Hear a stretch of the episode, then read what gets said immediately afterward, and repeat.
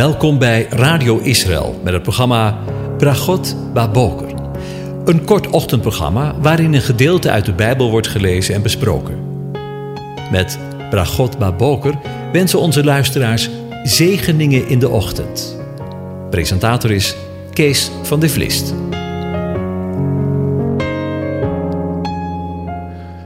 Goedemorgen, Bokatov, beste luisteraars.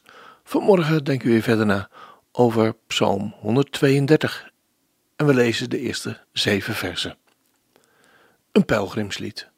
Heere, denk aan David, aan al zijn leden. Hoe hij de Heere gezworen heeft, de machtige van Jacob, deze gelofte deed. Nee, ik ga mijn huis, mijn tent niet binnen. Ik leg mij niet op de rustbank mijn bed neer. Ik gun mijn ogen geen slaap, mijn oogleden geen sluimer, totdat ik voor de Heere een plaats gevonden heb, een woning voor de machtige van Jacob. Zie, we hebben van de ark gehoord in Efrata, hem gevonden in de velden van Jaar. Laten we zijn woning binnengaan, ons neerbuigen voor de voetbank van zijn voeten. Tot zover. Over het heiligdom gesproken. In de voorgaande uitzending stonden we stil bij de centrale plaats van de ark gedurende de woestijnreis van Israël. En we vroegen ons af: is het te ver gezocht als we zeggen dat God met het stenen hart doelt op de stenen tafelen die hij aan Mozes heeft gegeven? Nee toch? Jezaja zegt toch: Hoor naar mij, gij lieden die de gerechtigheid kent, gij volk in welks hart mijn wet is. En ik zal het stenen hart uit het vlees wegnemen en ik zal een vleeshart geven.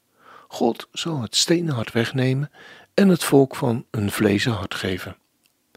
Als het stenen hart doelt op Gods woord ingeschreven in de twee stenen tafelen eeuwenlang, de inhoud, de kern van God, van Israëls dienst aan God is, wat moeten we dan verstaan? Wat moeten we dan begrijpen onder het vleeshart? Het antwoord lezen we in de prachtige openingswoorden van het Evangelie van Johannes. En het woord is vlees geworden. Hij zal het hart van Israël zijn. Hun godsdienst zal dan om hem en om hem alleen draaien. Het woord is vlees geworden en heeft onder ons gewoond.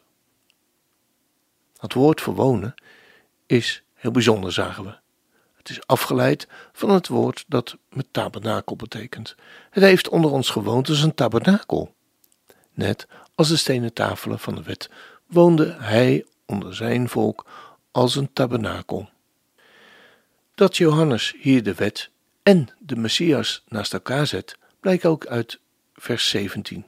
Want de wet is door Mozes gegeven en de genade en de waarheid is door Yeshua HaMashiach geworden. Het stenen hart en het vleeshart van Israël duidt op het verschil tussen het oude en het nieuwe verbond. Paulus, als de diener van het nieuwe verbond, stelt de twee verbonden in 2 Korinthe 3 tegenover elkaar.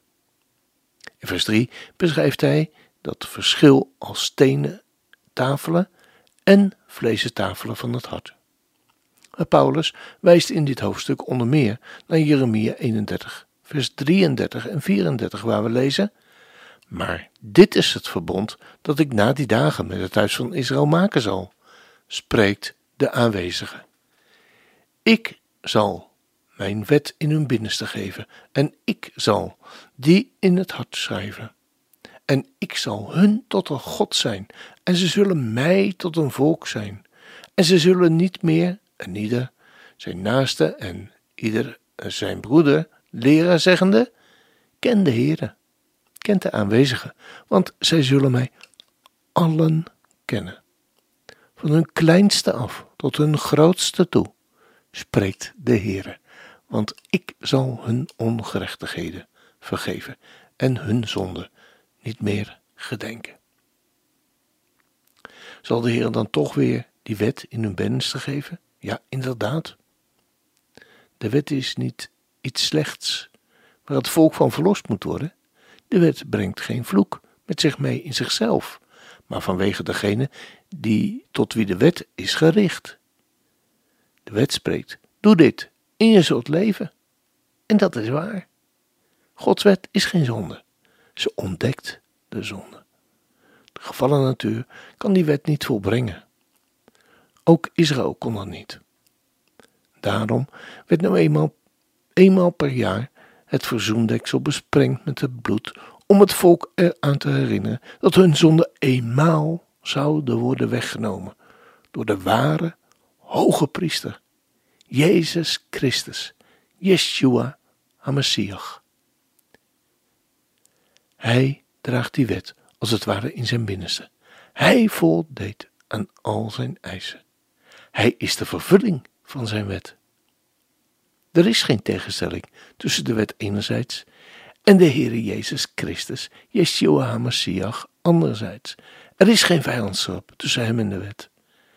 En daarom is er ook helemaal geen tegenstelling tussen Ezekiel 36, vers 26. Ik zal u een vlezen hart geven. En Jeremia 31, vers 33. Ik zal mijn wet in hun binnenste geven. Tussen het oude en het nieuwe verbond ligt er voor de mens onoverbrugbare kloof. De wet in stenen tafelen gegrift bracht eeuwig leven op grond van volmaakte gehoorzaamheid. Maar geen mens die daaraan kon en kan voldoen. En toch lag die eis daar. En toch belooft God dit eeuwige leven aan zijn volk. Hoe die kloof wordt overbrugd? Het antwoord ligt in de Messias. Hij kwam als een dienaar van het oude verbond, een dienaar van de besnijdenis, zegt Romeinen 15 vers 8, opdat hij bevestigen zou de beloftenissen van de Vader. Hij heeft zelf de wet volmaakt, volmaakt volbracht en de zonde van zijn volk op zich genomen, opdat zij het leven zouden verkrijgen. De kloof was niet te overbruggen, althans niet door mensen, maar bij God zijn alle dingen mogelijk. Dat komt het meest openbaar in het kruis en de opstanding van Christus Jezus, Yeshua Messias. En als dat geen zegen is.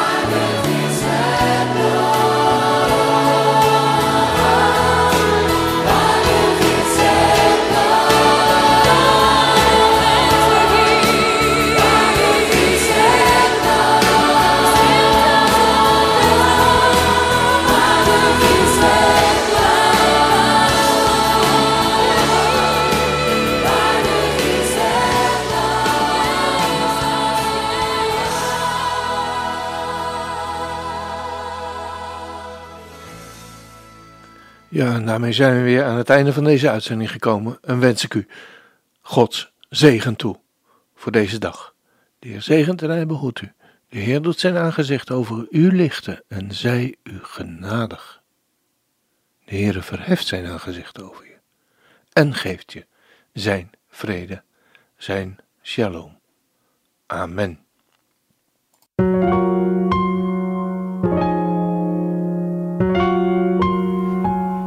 U hebt geluisterd naar het programma Bragot Baboker.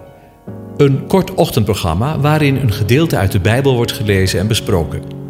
Wilt u het programma nog eens naluisteren, dan kan dat. Ga naar radioisrael.nl en klik onder het kopje radio op Uitzending gemist.